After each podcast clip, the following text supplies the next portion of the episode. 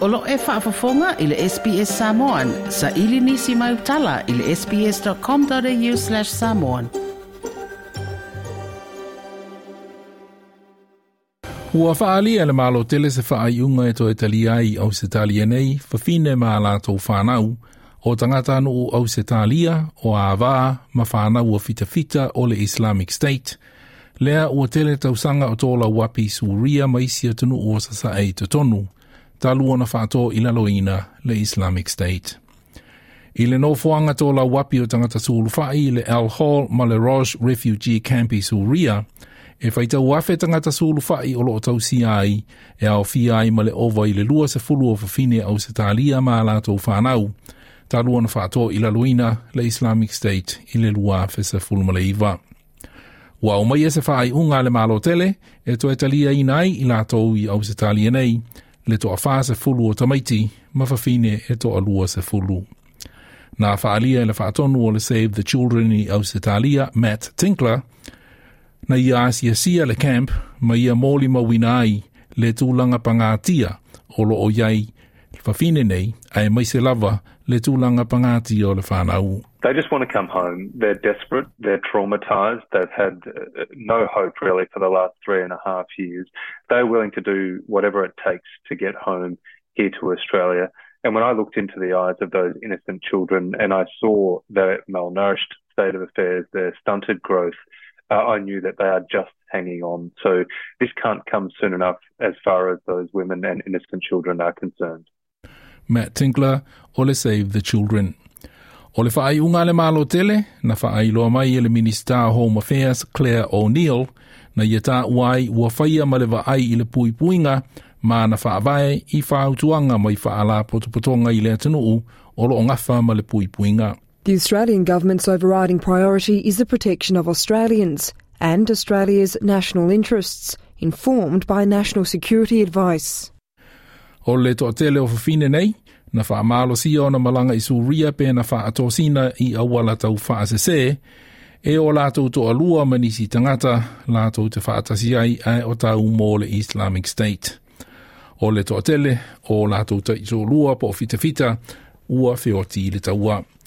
Nā vi ia Sophie McNeil o le Human Rights Watch le whaai unga le whainga mālo o le leiba ma le pālemia Anthony Albanese e to e whaafo i mai i le atunuu nei mā lātou whanau o sitiseni au se. We welcome this. It's something that Human Rights Watch and other groups like Save the Children have been calling on the government to do for years.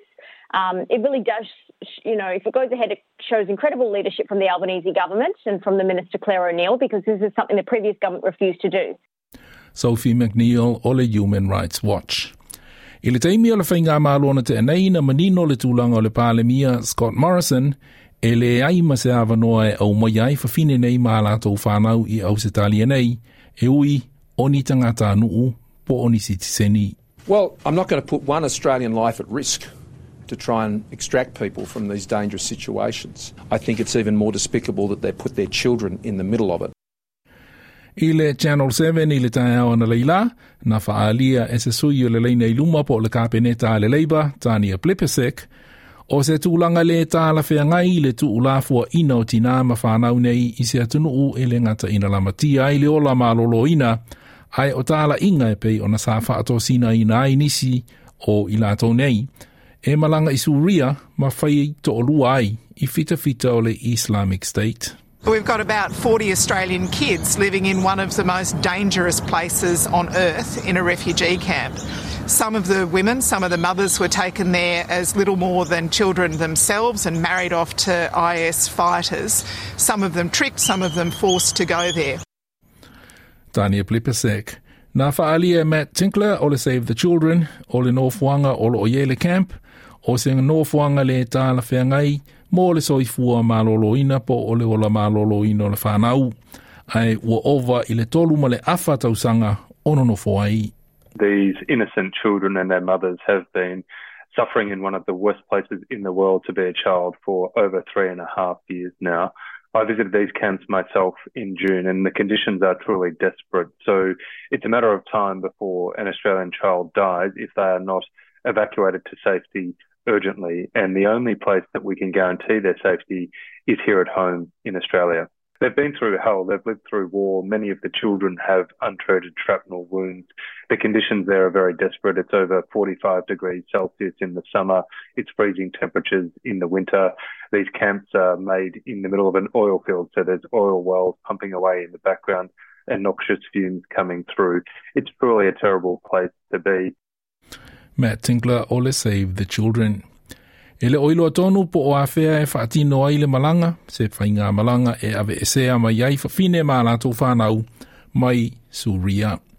Pei ta ina sānoa le sui o le itu wangai i mata upu i Home Affairs, Karen Andrews, o se tau mo whainga po se ngā luenga e le sāonga le mō.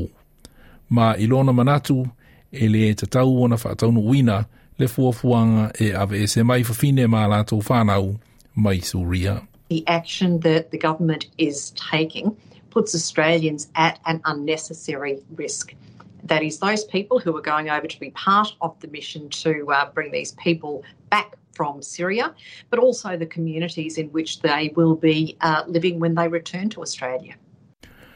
Le suia le tuangai i mata upu i Home Affairs, Karen Andrews.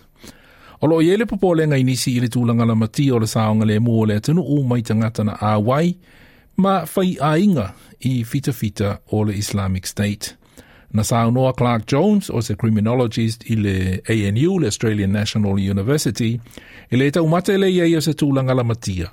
Ai le ai se tūlanga la matia mai le whanau, ma o le ma le leo leo ino i nei, o le tiutele na o leo leo, ma whaala pui o le.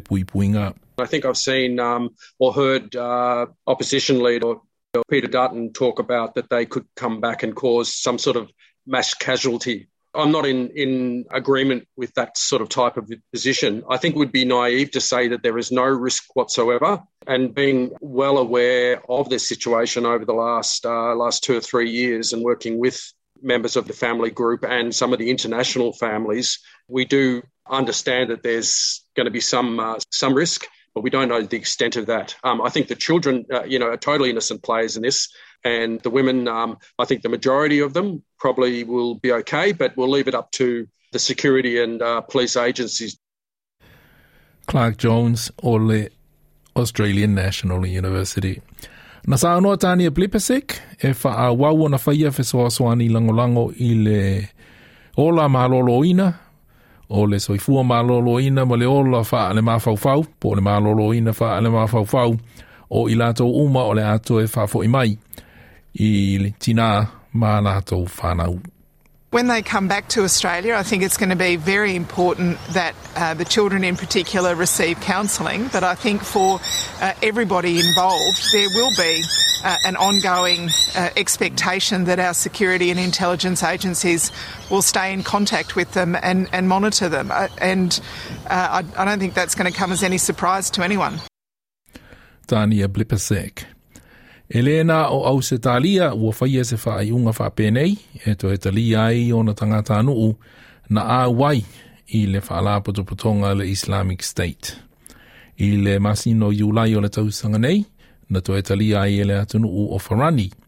Fafine matamaiti e to alima sa fulu manatasi o tangata anu u Farani na a wai foi i le whaala putoputonga le Islamic State o tina ma whanau o tina na whai taito o lua ma fita fita o le IS.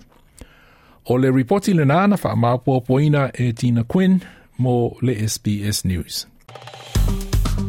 Like, share, mafaali sa ufinangalo. Muli-muli ile SBS Samoan ile Facebook.